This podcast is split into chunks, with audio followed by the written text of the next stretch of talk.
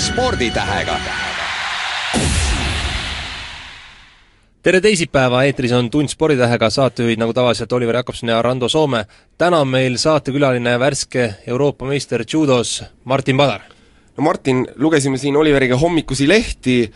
et tahetakse sind ilmatüdrukuks teha, et ma ei tea, kas varsti näeb sind televisiooni ETV ekraanil, näitad meile nende tsükloneid ja mis tulekul on? jah, tere, tere hommikust ka minult poolt, minu poolt, et äh, ma vaatan jah, et on,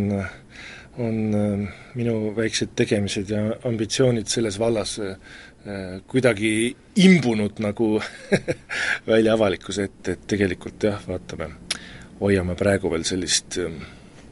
madalamat profiili, et, et ei taha enne õhtut hõisata ja, ja kõigepealt tuleb veel kõiksugused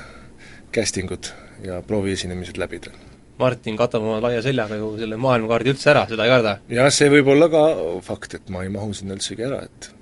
sest jah, telestuudio on ikkagi väike, et siin raadiostuudioski me peame Randoga natukene koomale täna tõmbama, kuna Martin on. Martin, Gruusiast nüüd Euroopa meistritiitel, öeldakse, et see on see, millest sa olid juba valmis kaua-kaua-kaua aega, et kaua, kaua sa ise uskusid, et see, sealt see medal tuleb? Äh, no ma olen nüüd, ma varem võistlesin poolraskekaalus kuni sajas kilos siin aastad üheksakümmend kaheksa kuni kaks tuhat kaks. Ehm, aga nüüd ma olen viimased kuus aastat raskekaalus äh, võistelnud. ja kusagil, äh, kui kaks tuhat kolm sai astutud sinna raskekaaluste sekka, siis kaks tuhat kuus, ütleme kaks tuhat seitse, ehk siis kaks aastat tagasi ma juba tundsin, et ma ütleme, füüsiliselt öö, äh, olen valmis ütleme, kui ma mõtlen oma sellist, et ma olin samas konditsioonis, samas seisus, kaal oli sama, jõunäitajad enam-vähem samad ja aga aga no eks iga asi vajab sellist teatavat laagerdumist. mitte, et nüüd kõike saaks selle laagerdumise kaela ajada, et noh, et eks ta aega on ju läinud päris palju ja, ja seda vett merre voolanud, aga aga jah, kuidagi mul kusagil sellest ajast ma tegelikult olen mõelnud, et kaks tuhat kuus, kaks tuhat seitse ütleme, et tegelikult oleks pidanud mulle, siis ma küll absoluutkaalus tõin medaleid juba, aga see oli aasta lõpus alati selline viimane võimalus nagu aasta päästa ja sellisel detsembrikuisel spordi hapukurgi hooajal oli nagu hea võistelda sellise vähese tähelepanu pealt, aga aga kuskil jah, nii kaks viimast aastat, ma arvan, on olnud see aeg, kus tegelikult oleks pidanud ja eriti eelmine aasta oleks pidanud juba, juba realiseerima kas üleminek poolraskekaalust raskekaalu oli sulle väga-väga vaevaline? kilosid tuli, et sa pidid kindlasti oma tehnikat natukene muutma ju, seda kiirust ei olnud enam seda, mis oli varem? tehnikad ju kujunevad ikka selle järgi, et kuidas su kuidas su,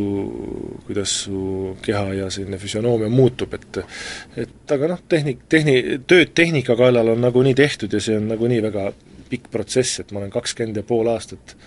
tegelenud judoga ja, ja ja tehnikat on lapsest saadik ju, ju tehtud, muidugi mingis eas see muutub natuke raskemaks, et ei aita lihtsalt äh, vastase loopimine, vaid tehakse asju juba läbi vastupanu ja läbi vastase füüsilise ploki ja aga mm, jah, ähm, kindlasti on, ei ole see nagu väga, väga kerge, see poolraskekaalust raskekaalu üleminek, et erinevatel me-, meestel on see erinev, aga mul on, on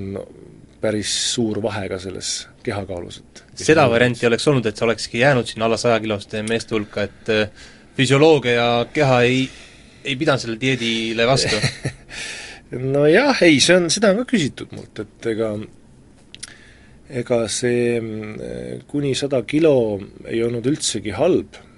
variant, sest iga, mm, ükski kergem kaalukategooria raskemast ei ole nagu lihtsamini maadeldav. et kergemates kaaludes on see, see tegevus dünaamilisem ja, ja vilkam ja kiirust nõudvam, et et selles mõttes minu jaoks vanuses üheksateist kuni kakskümmend kolm, mis ma olin seal poolraskekaalus, see oli aeg, kus ma ütleme nii-öelda õppisin maadlema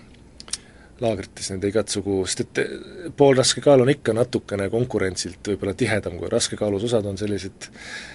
kõik on väga tugevad, aga mõned on ikka päris aeglased, sellised veel pooled tümakamadki kui mina.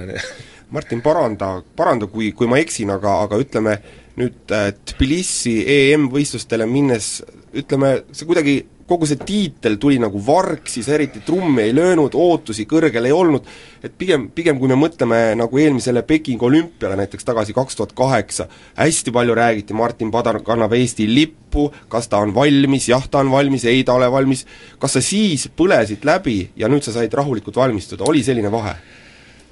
nojah, eks ta eks ta niiviisi on küll ja mitte ainult isegi Peking kaks tuhat kaheksa, vaid kaks tuhat seitse, Rio de Janeiro mm, aasta enne, enne Pekingit, et noh, eks selles see vahe ongi, et füüsiliselt on, on ju paljud head ja ja kuidas sa nagu suudad ületada need igasugused kõrvalraskused ja kõrvalmõjud, et mida see meedia ootab või või, või mida, mida lähedased ootavad ja mida ühiskond ootab, et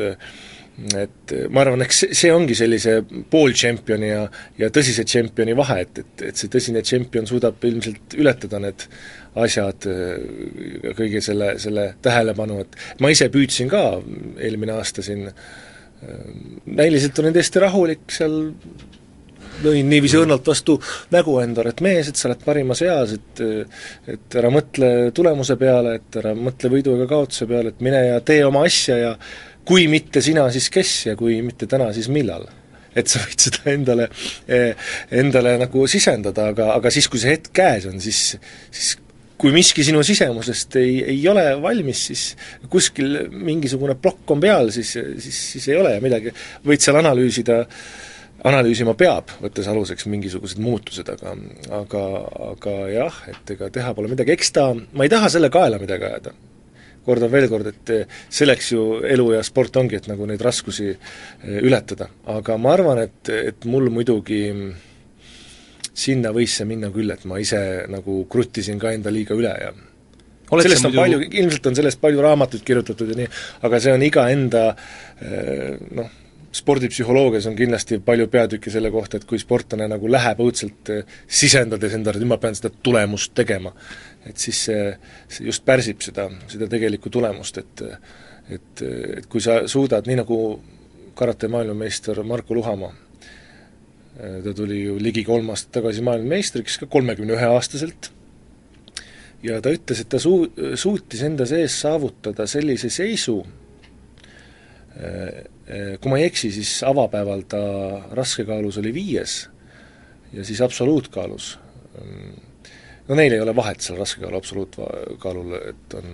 võib-olla see absoluutkaal veel tugevam. Ta oli saavutanud sellise seisundi enda sees, et, et nii, nüüd lähen ja panen nagu Elva Openile. ja aga, aga see on ka niiviisi, et, et, et et see ei ole, et selle seisundini pead sa ka kasvama, et et kui ma, ma võin seal näiteks viis aastat tagasi, ma võinuks endale vastu nägu ja vastu rindet taguda, et et ma nüüd sisendan endale sadat asja, aga kui sa kuskil sees pole valmis, siis see ei avaldu ju oled sa muidu kergesti mõjutatav? või oled, on, oled aastatega kasvatanud endal sellise paksu naha? Mm, no paksu nahka õnnetuseks olen küll vist suhteliselt kergesti mõjutatav. võib-olla mõnes olukorras on see pluss, aga paksu nahka ma arvan, ma ei, küll ei tohiks võtta seda riski rääkida teiste sportlaste eest ka, aga ma arvan, et et eks seda paksu nahka hakkab sportlane ikka, ikka kasvatama juba sellest hetkest, kui ta juunioridest jõuab täiskasvanusse, täiskasvanute klassi, et, et, et see on vähe, võib-olla paar protsenti või viis protsenti, kes suudab seal kohe esimesel aastal läbi lüüa. minnes kahekümneaastaselt täiskasvanutes, ka eriti meie alal või raskemates kaaludes aga sa pead, pead nagu mingil määral seda paksu nahka endale kasvatama, et mitte päris läbi põleda igal pool, aga samas see nahk ei tohi ka eh, liiga paksuks minna, et siis sa juba laskud sellisesse apaatsusesse. Ja ma arvan, et minuga seda ka juhtus kunagi. tund sporditähega. Meie tänase saate külaliseks värske Euroopa meister judos Martin Padar Martin, käsi südamel, ütle, kas sul endal oli ka natuke juba lootus läinud, et olümpiamängud läksid aia taha, MM-võistlused Prantsusmaal samamoodi, et noh, pagan, ma olen kolmekümnene, et äkki ongi kõik ilus juba selja taga sportlaskarjääris? Äh, käsi südame peal võin öelda, et äh, ei, ei olnud. küll mingisuguseid kahtluse ussikesi oli, et kui ma nüüd äh, ei suuda ennast realiseerida ka lähimatel aastatel, kuigi äh, Londonini on plaanid, vähemalt Londonini, Londoni olümpiani on plaanid paika pandud, siis siis äh, noh, et mis, mis mõte siis on sellel tegemisel. aga noh, ma kordan veel kord, et kuna kuna noh, kuni sportlane ikkagi, vähemalt ma võin enda eest rääkida, et et kuni sa seesmiselt tunnetad, et sul on, on toimunud mingisugune progress seal kas või tehniliste elementidegi lihvimisel või üldfüüsilises ettevalmistuses, kui sa tunned, et sa ei, ei, ei tammu koha peal, et siis, siis see, siis see tuli nagu ka sinus ei kustu. et mina olen seda küll tundnud, et noh, et, et ta ikka kusagilt peab tulema, see tulemus sa ennem ütlesid nii ausalt, et, et sa usud, et sa oled mõjutatav, samas Aavo Põhjal on öelnud, et sind ei saa ju teise usku pöörata, et Martin Padar usub seda, mida ta, mida sa usud, kas sa oled selline Eesti spordi boheem? Noh, ei tea jah, et ega see on omamoodi ju selline tore, tore nimetus, kuhu taha varjuda, et et mis te siis must tahate, et ma olen ju boheemlane. aga noh, et ega ta tegelikult, et niiviisi olemuselt sport ja boheemlus ei lähe vist hästi kokku. et, et selles mõttes, et kuni mingi piirini võib ju boheem olla, aga ega see ju ennast ka ei rahulda, kui peale mingit järjekordset kaotust lähed koju ja ütled naisele või emale või õele, et aga ma olen ju boheemlane. et jah, et võib-olla on, et ma ei ole suutnud nii korrapäraselt, korrapäraselt nagu endas seda sisemist tuld nendel tiitlivõistlustel välja tuua. Et, et nagu mm, olles ammu juba võib-olla heas kvaliteedis sportlasena, on need asjad jäänud kuidagi sellise sisemise häälestuse taha, et, et on mingisugune selline mm, jonn võib-olla tekkinud, et, et, et näed, et ma siin, mis te nüüd tahate, et miks ma ennast kogu aeg tõestama pean, et ma et, et peab, peab tunnistama, et, et selliseid mõtteid on mul olnud, eriti nooremana, et aga see ongi nii, et et, et kui palju tahad, vähe saad, vähe tahad, üldse ei saa, et kogu aeg peab noh, praegu ma võtan küll, et püüan võtta iga võistlust kui viimast, selles mõttes, et, et mitte, et ta pole kui viimane, aga võtta kui viimast, et et nii palju on seda vett merre voolanud aastatega ja, ja tulemusi, mida oleks võinud saavutada, on, on jäänud tulemata, et noh, et võib-olla minu puhul siis see ongi selline tervikseos, et et, et kolmkümmend eluaastat kukkus ka ette kolm nädalat tagasi, et et, et nüüd siis, nüüd on siis see kõik see nagu minus, minusse lõpuks laagerdunud, et ma suudan ennast paremini realiseerida, aga noh, vaatame, mis tulevik toob, et see on praegu esialgu alles esimene selline tiitel, et et ega võib-olla MM-ilt tui-tui-tui tuleb äh, mingisugune nii-öelda suusk jälle, jutumärkides mm., et siis, äh, siis ei saa ju jällegi hõisata, et aga noh, boheemlane no mingil määral on mulle võib-olla isegi see kunstiinimese või ma kunagi Õssist vaatasin, et, et mis see boheemlane siis tegelikult tähendab et siis äh, oli seal kirjas, et ebakorrapärase elustiiliga kunstiinimene. et ma hakkasin mõtlema, kunstiinimene, et kunstist ei tea ma ausalt öeldes mitte midagi, et et, et aga jah, et mingil määral on mul see nimi võib-olla meeldinud, aga, aga noh, et ega enam ausalt öeldes eriti ei meeldi no aga boheemlane või kunstiinimene, see on ka loomeinimene, ega olgem ausad, see judo matš on ka omaette ei, ta on looming, oma looming ju. ja samamoodi nagu boheem istub kusagil nurgas oma koiku peal, magab seal hommikust õhtuni oma hašiši uimast und, ühel hetkel ta ärkab üles ja loob sellise imeilusa kunstipala maaliteose, ma ei tea, muusikapala, millest saab ükskord surematu hitt, siis samamoodi võib ka ju sinuga olla, et praegu sa istud siin, ütled, et jah, ma olen boheem, ühel hetkel tõesti teed sellise teo, mida, mida mäletavad kõik meie tulevased põlved? nojah, aga võib-olla selline boheem võib endale isegi selline tõeline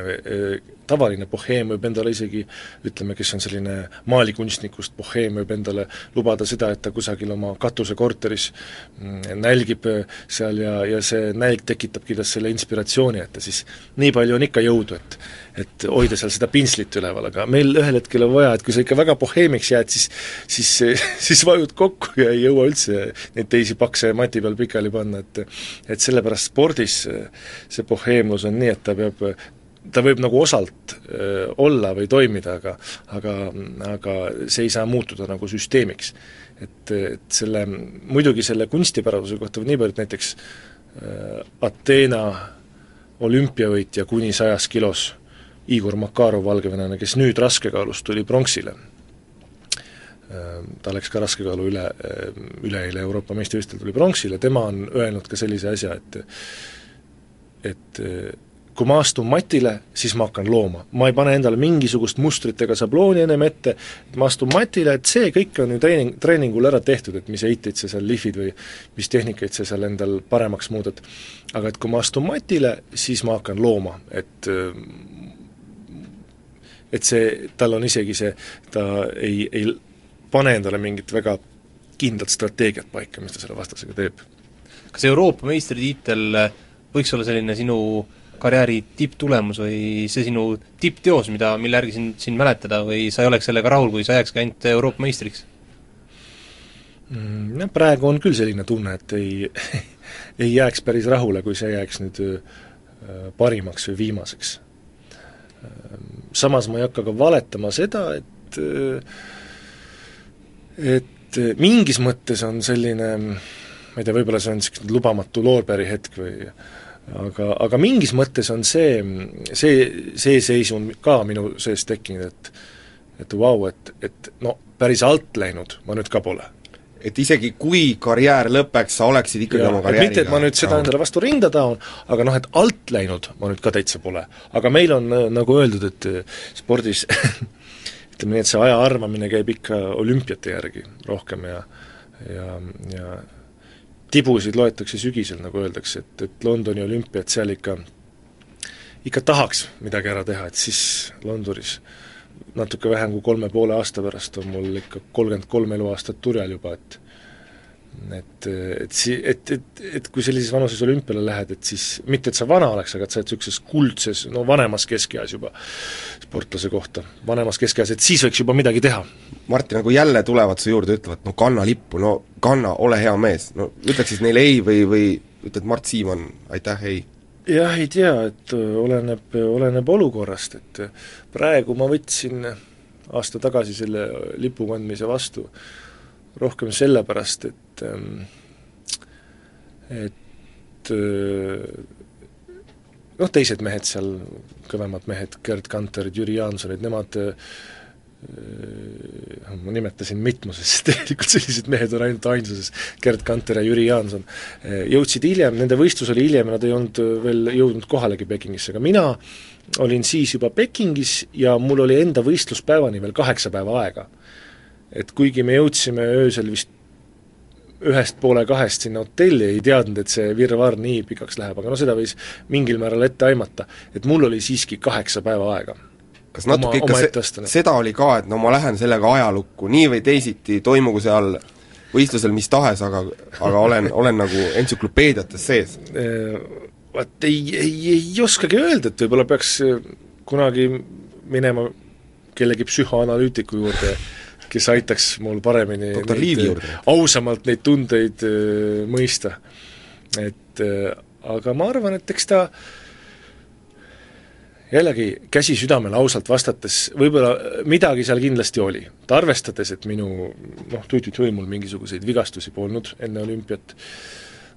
enne olümpiat äh, kaheksa päeva oli ka minu etteasteni aega, nagu ma juba kolmas kord rõhutan, siis ma mõtlesin, et et why not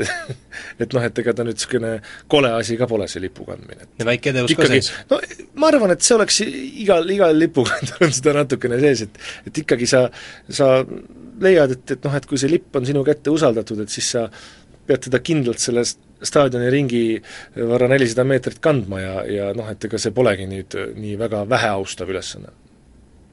oli see valus ka kuidagi, see võib-olla noh, kui nüüd Pekingist on jutt, et seesama ikkagi altminek seal, rõhus see sind kaua või sa said selle unustada, pühkisid mälust ja elu läks edasi? noh, et ega me siin rääkisime ennist sellest äh, paksu naha kasvatamisest mingil määral, et et noh, kuna mul oli see esimene olümpiale jõudmine, Sydneysse ma pidin ääre pealt jõudma kaks tuhat aastal, aga jäin siiski välja esimesena, siis ähm, selles vanuses, nagu ma olin, kakskümmend üheksa, et äh, ega ta nüüd äh, mul oli ikka meel päris mõru peale seda olümpiat. samas noh, treener jällegi Põhjala ütles, et et, et noh, olümpia on selline võistlus, kus põhimõtteliselt igaüks võib, võib alt minna ja teinekord just sellised, kes on seal mm, saavutanud viimase paari aasta jooksul väga häid tulemusi ja kellelt seal veel väga oodatakse, ka kogenud sportlased, kes tavapäraselt on väga professionaalsed ja neil pole probleemi häälestumisega, on olümpial teinekord on, on see, see protsent on kõrgem ka nende seas, et nad võivad seal esimeses matšis kaotada või aga pigem see asi ise, et et, et, et kuidas see tuli, et noh, et esimene matš läks niivõrd hästi, see polnud küll väga tugev äh, vastane, kelle võitmisega nüüd ennast siin nüüd kuidagi upitada, korealane, aga jah, et ma teises matšis kaotasin äh, brasiillasele, keda ma olin varem kaks korda võitnud. see tegi küll tuska, et siis äh, olümpial teises matšis lisaajal, olles mõlemad võrdselt väsinud, ma ei isegi ei saa öelda, et ma oleks väsinum olnud, et, et siis, äh, et ta suutis siis seal mind võita. See tegi, tegi küll, et oleks siis, et isegi kui niiviisi võib-olla see pole õige mõtteviis, aga kui kui sa tõesti näed, et, et vastane võttis sul kratist kinni ja ja lõi puhtalt sinna maa sisse, et no ta oli sinust kindlalt parem, parem.. et teinekord see asi vähemalt, et on see konkreetne selgus. mind pandi paika. aga seekord, noh, pandi ka paika aga, aga noh, mitte nii väga veenvalt ja, ja see tekitab jälle enda sees seda, et mul oli päris mõru tunne peale olümpiat, jah. tund sporditähega. jätkame saadet Tund sporditähega, stuudios Oliver Jakobson, Rando Soome, meie tänane sporditäht on judo värske Euroopa meister Martin Padar. Martin, kui me läheme nüüd selleni juurde, mis seal Gruusias toimus, siis ütle, milline neist matšidest kõige keerulisem oli, oli see poolfinaal venelase Mihhailini vastu, kes tegelikult ju ikkagi peaks sealt lõpuni sulle vastu kaheksakordne maailmameister ei, ei, kolmekordne maailm no ühesõnaga mitmekordne maailmameister, okei okay.. Euroopa ja maailma tiitlid kokku on kaheksa. kaheksa, jah. tituleeritud mees mm. -hmm. Ehm, ütleks nii, et poolfinaal ja finaal olid raskemad kui esimesed kaks matši, mis on täiesti loogiline, sest et eh, ring ringilt see et eh, ütleme nii, ring ringilt see, see silmust tõmbub ju koomumale, et, et eh, et selekteeruvad välja need äh, kõvemad mehed antud võistlusel. poolfinaal Mihhailiniga oli kahtlemata väga raske selles mõttes, et ta oli, heiteid seal ei toimunud kumbagi poolselt, ma suutsin teda kolm korda punasest alast öö,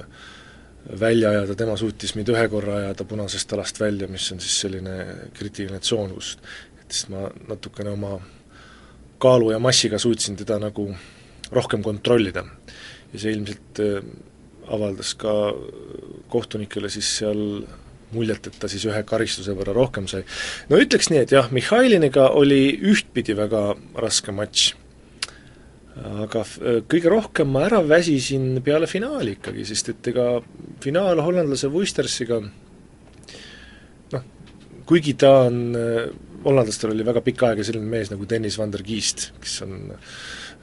maailmameister, kahekordne Euroopa meister, olümpiapronks ja ja viimased kaks aastat Van der Kiist oli juba natukene nõrgem oma tavatulemustest ja, ja Wusters Wustersit, kes siis mul finaalis vastus oli, vastas oli, Wustersit ei lastud ikkagi välja selle, selle Van der Kiisti tagant, et Wusters, kes mul üleeile oli finaali vastas, oli lihtsalt nagu Hollandi teine number pikka aega, nüüd ta sai esinumbriks, kuigi ta oli viimane aasta juba võib-olla parem sellest Van der Kiistist. lühidalt, ehm,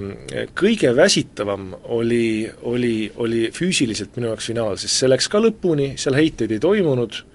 ja tulemuse poolest ka lõppes niiviisi nagu poolfinaalgi, et minule anti kaks hoiatust, temale anti kolm hoiatust. et, ehm, et finaalis ikkagi ühel hetkel kuigi sa oled oma, oma tee juba üles ehitanud ju, sul on, millele toetuda, et sa oled juba, juba seal kolm-neli matši ennem võitnud ja oled enesekindel, aga samamoodi on, on finaali vastane ju võitnud oma avamatši, veerandfinaali, poolfinaali ja, ja kuna Wuisters, hollandlane, oli võitnud poolfinaalis äh, Igor Makarovit, väga tugevat valgevenelast, siis siis ta oli seal finaalis ka täpselt äh, sama enesekindel ja, ja, ja ja, ja valmis selleks, minu arust seal ei olnud, kuigi tal on suhteliselt vähe tiitlivõistluste kogemusi, aga samas ta nii väga nooruke pole, et kahekümne seitsme aastane, et seal ühel hetkel lisandus ka see, et et tekkis mõlemal selline äh, liigne ettevaatlikkus, et ühtpidi judo iseloom on ju ründav, et sa, et saavutada võitu, sa pead nagu mehele eh, otsa ronima selle heit, heitega või mingisuguse tehnikaga, aga meil läks lõpuks juba selliseks kramplikuks kaitsmiseks ka, et, et kuigi idee peaks olema, et, et sa pead peale minema ja ründama ja seda võitu iga eest saavutama, iga hinna eest, siis eh, me mõlemad olime sedavõrd ettevaatlikud, et me läksime seal füüsiliselt väga krampi ja see väsitas mõlemat, et eh, lühidalt siis poolfinaal ähm, oli raske, aga, aga, aga finaal oli kõige kurnavam. vahel on just vastupidi, et et tihtipeale on poolfinaal, saavutatakse kõvade meeste konkurentsis mingisugune võit ja siis finaalis tehakse näiteks esimese minutiga ära, et aga, aga aga seekord mul oli finaal kõige raskem. ma ei taha su nii-öelda saavutust alahinnata, aga reeglina on see, et pärast olümpia-aastat võtavad kõik mehed ikkagi vähe rahulikumalt, et kas sama on ka judomaailmas, olid seal selles suhtes nagu kõik kõik tipud kohal ja kõik tipud oma parimas vormis? jah, ega päris täpselt ju ei tea, mis vormis seal nüüd mehed kõik olid, aga see on jah, see rubriik on, on spordis tõesti olemas, et, et on olümpia-aastad ja on vaheaastad. Võib-olla kõige tüüpilisem vaheaasta judos, kuna siiamaani mm on olnud kahe aasta tagant, mitte iga aasta, siis mm, on nii, et aasta peale MM-i on alati ka, tähendab aasta peale olümpiat on alati ka EM ja MM mõlemad. kaks aastat peale olümpiat, ehk siis nüüd kaks tuhat kümme, kaks tuhat kümme nüüdse süsteemi järgi tuleb ka mm, aga varem on kogu aeg nii olnud, et kaks aastat peale olümpiat ja kaks aastat enne olümpiat siis, täpselt olümpiate vahepeal on üks aasta, kus judos on olnud ainult EM. ja võib-olla see on minu arust kõige sellisem noh, mingis mõttes tühjem. et eh, ma ei oska seda täpselt öelda,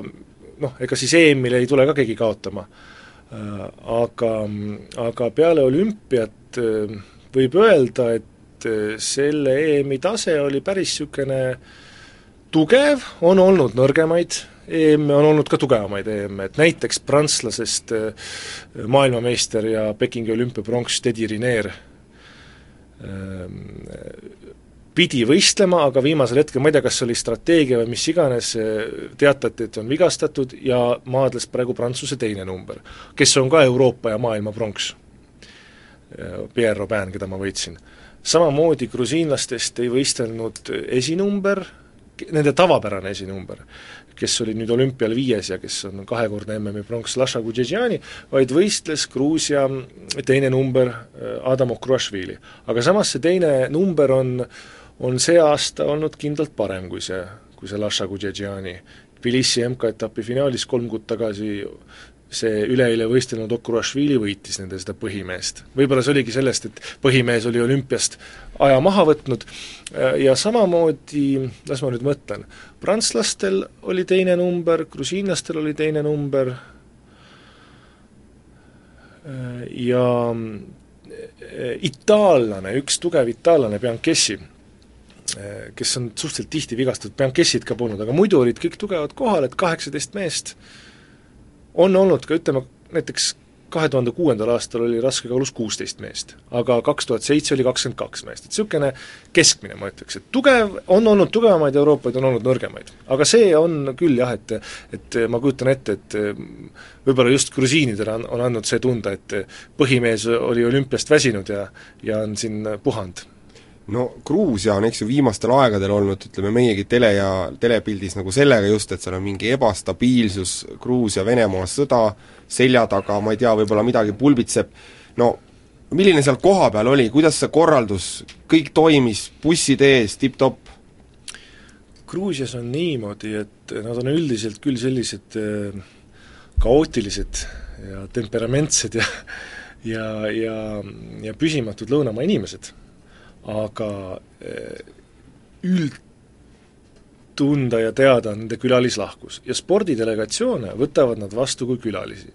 et näiteks selline teistes siin mm, Lõuna-Euroopa maades, ütleme Hispaanias, Hispaanias ja Itaalias, mis muidu on nagu majanduslikult järjelt palju tugevamad kui Gruusia, Hispaanias, Itaalias on palju rohkem seda, et jõuad sinna võistlustele või laagrisse ja siis hakkab üks suur manjana pihta. kolm tundi helinetakse sulle lennukile vastu, ootad seal päikese all ja, ja kõik asi on kuidagi nagu selline äh, stiilne manjana käib kogu aeg. aga Gruusias on, ma olen käinud seal kaks korda varem ka MK-etapiga, et Gruusias äh, organisatsioon selle koha pealt oli väga hea, et et, et lennukitel ollakse õigeaegselt vastas, transport, logistika, kõik, mis puudutas hotellist võistluspaika, bussigraafikuid, nii treeningutele kui, kui võistlusele oli absoluutselt paigas, et selle koha pealt oli, oli Gruusias väga kihvt. veini ikka pakuti või ei pakutud pakuti küll, aga äh, polnud aega võtta, kiirustasime ära lennuki peale tund sporditähega. meie külaliseks täna judo Euroopa meister Martin Padar, Martin, ma vaatasin, sul oli ilus uus mobiil, lehest lugesime, et grusiinlased eh, panid pihta selle, et mis seal siis kadus täitsa ära? ma ei ole ise lehte lugenud, et äh, ei taha kellegi äh, kellegi kaela midagi ajada, et keegi pihta pani, et see on selles mõttes äh, tõestamata lüli, et keegi pihta pani, et oleks ma näinud, et keegi pihta pani, aga ütleme niiviisi delikaatselt, et et kadus ära. no pääsesid igal juhul nendest äh, nii-öelda turniirijärgsetest äh, kommentaaridest või siis keegi kohalik mees andis neid sinu eest seal? vot ega seda ei teagi, et, et seal mis, mis seal edaspidi toimus, et äkki visati minu SIM-kaart kohe välja ja pandi Gruus Telekom asemel? jah, oma ilusate Gruusia hieroglüüfidega SIM-kaart tasemel, aga aga jah, et selline väike dramaatika seal toimus ja võib-olla oli ise, isegi, isegi, isegi millegi jaoks see hea, sest näiteks kaks aastat tagasi külalislahke rahvas, nagu nad on, nagu me ennist rääkisime, minu üks sõber ja ka endine judokas äh, kinkis mulle mobiiltelefoni, et siis mõtlesin, et noh, et elus ongi niiviisi äh, nagu tasakaalus. kõik, kõik, kõik on tasakaalus, et nii nagu spordis on tõus ja mõõn, et et nüüd oli ka kõik niiviisi ilusasti balansis, et et mulle on Gruusias kingitud mobiiltelefon kui suurele Taragoile ja Genatsvalele, et ja, ja samas on siis mul äh, pehmelt öeldes siis ära kadunud seal üks mobiiltelefon ja, ja võib-olla oligi hea, et, et, et siis ma ei läinud liiga,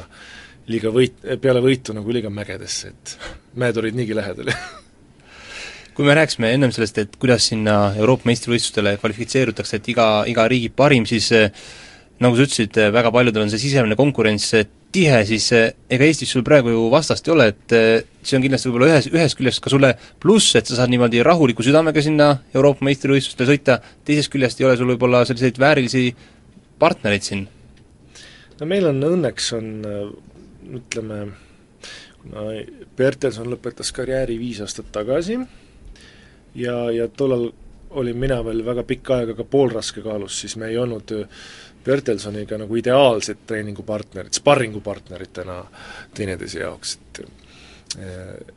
aga ma ütleks nii, et viimase kümne aasta parim olukord on mul praegu Äh, sparringpartnerite osas, et siin on äh, Sander Maripuu, kes on poolraskekaallane, mm, aga väga selline kiire ja võimas, ja, ja noored mehed Jaan Angerjärv ja Juhan Metis Tartust, kes on sellised üheksateist-kahekümneaastased, et, et nemad on päris sellised üle hulga aja perspektiivikad poisid. me siin Eesti-sisestes laagrites äh, saame ka kõik kokku, et ma ütleks, et see olukord on, sparringpartnerite olukord on,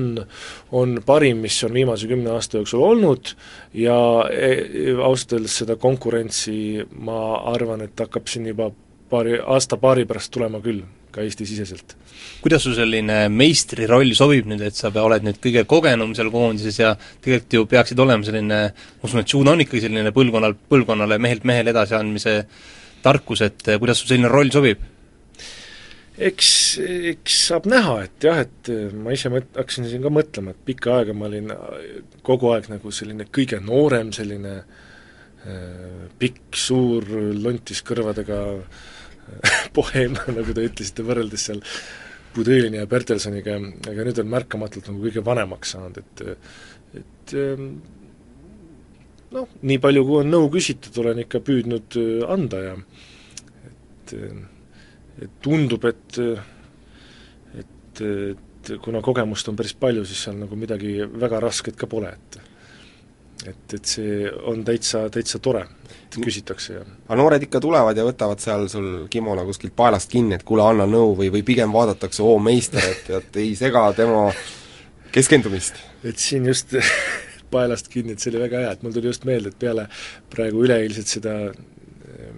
kulla võitmist, siis seal mingisugused sellised just needsamused kolme-neljateistaastased äh, Gruusia poisikestest lisajõud, kes seal pidid aitama sportlasi, siis eh, mangusid oma vöö minult endale kingituseks, et et eesti, ei inglise ega vene keelt nad ei rääkinud, aga mul ei olnud ka südant ei öelda, et et, et just vöö, vöö andsin neile ära. aga jah, et, et eks teinekord on niiviisi vööst kisutud küll, et tule näita mõnda heidet ja ja, ja mul nagu kahju pole, et, et mida, mida oskan, seda näitan ja ja, ja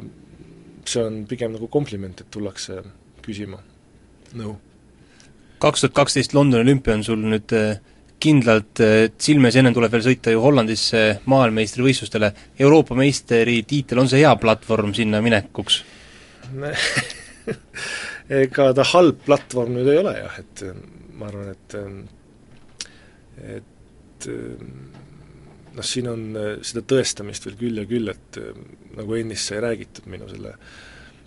pika seletamise ajal siin üle-eelmisele küsimusele eh, seoses nende vaheaastatega spordis ja olümpiaaastatega, et siis nüüd, kuna sellest aastast mm läheb spordis iga-aastaseks, mitte kahe aasta tagant nagu varem, siis on ka kaks tuhat kümme, kaks tuhat üksteist on, on MM-id mõlemal aastal. Et vaatame, et siin tuleb seda lippu hoida veel mitmel aastal. aga sa oled nüüd fookuses, sa oled ikka Euroopa meister ja kindlasti pööratakse sulle rohkem tähelepanu? kardetakse Jaa, rohkem? seda küll, et sellest hetkest, kui sa oled seal mingisuguse konkreetse tiitli võitnud, siis siis oled sa ka automaatselt vastaste töö- ja treeningprotsessi käigus ju ka rohkem ära filmitum, sinu, sinu trumpe õpitakse, sind püüda, sinu rünnakuid püütakse rohkem juba etteõpitult nagu neutraliseerida, et ega see nagu lihtne roll pole, et, et, et kui sa, kui sa kusagil nendest judo tiitlivõistlustest nagu kulla võidad, siis sa oled ka rohkem nähtaval ja ja, ja see võib olla võib hiljem, kui sa, kui sa nagu väga loorberile jääd, siis võib sinu kahjuks pöörduda, jah. no võib-olla on seda nagu vara või, või nagu öelda või tunda või et aga, aga ütleme, pärast võistlust, kas sa nägid, et ka nende konkurentide mingi suhtumine sinusse oli läinud aupaklikumaks või on sul oma roll seal sellise tegija-vennana nii ehk teisiti ja keegi Mihhailin või ei tule seal ütlema midagi sulle? ei jah, ega me tunneme teine, teineteist seal päris, päris ammusest ajast juba ja, ja et et ka need mehed, kes, kes on näinud minu mingisuguseid võib-olla siin olümpia- ja maailmameistrivõistluste ebaõnnestumisi, et samas nad on jällegi näinud minu mingisuguseid õnnestumisi seal MK-etapi kuldade võitmisel või absoluutkaalumedalite saavutamisel, et, et meil on kõik, kõik kõiki ammu tunnevad ja nagu mingit sellist ülalt alla vaatamist ei ole, ei ole tajunud, et aga jah, huvitava faktina, et isegi eh, naissportlased ei ole minu raskekaaluperioodi ajal eriti mulle nagu tähelepanu pööranud, naisjudokad ma ei tea, kas, kas sellest, et mul on põsed nii paksuks läinud ja aga et poolraskekaaluperioodil sai nendega ikka tihedamini suhelda, võib-olla ma olen lihtsalt vanemaks saanud. aga nüüd seal päris mitu üleeilse päeva naiste, kuna naised võistlesid paralleelselt, naiste võitjad ja medalisti seal patsutasid ka ära, et congratulations tegid äkki mõne tantsu seal banke-, banketile? ei, ei banketile meil polnud, polnud aega jääda, et jah, et Lesginka jäi tantsimata. kahju, Martin, ma usun, et sa saad veel tantsida küll ja külm, suur tänu sulle, et sa tulid ja kõik edu sulle no ütleme, igal alal, et nii teleekraanile pürgimiseks kui ka judomatil ja kui sa ilma lähed tõepoolest ennustama, siis palun ainult häid ilmu, et, et sellest tuulest on juba villand. jah, et võib-olla peab eh, vennad Urbid eh, appi paluma, et eh, Tarmo Urb kunagi rääkis, et nad olid kusagil Alabamas ilma ilusaks laulnud äkki on kasu kaasmaalased nemadki. okei, suur tänu sulle, Martin aga ja ennem see, kordan veel kord, on tulevikumuusika, igasugused casting ud tuleb alles läbida, et lihtsalt kui see info on juba lipsanud, siis midagi pole teha soovime sulle uuesti kõike edu ja paremat ja kohtume siis jälle nädala pärast. tund sporditähega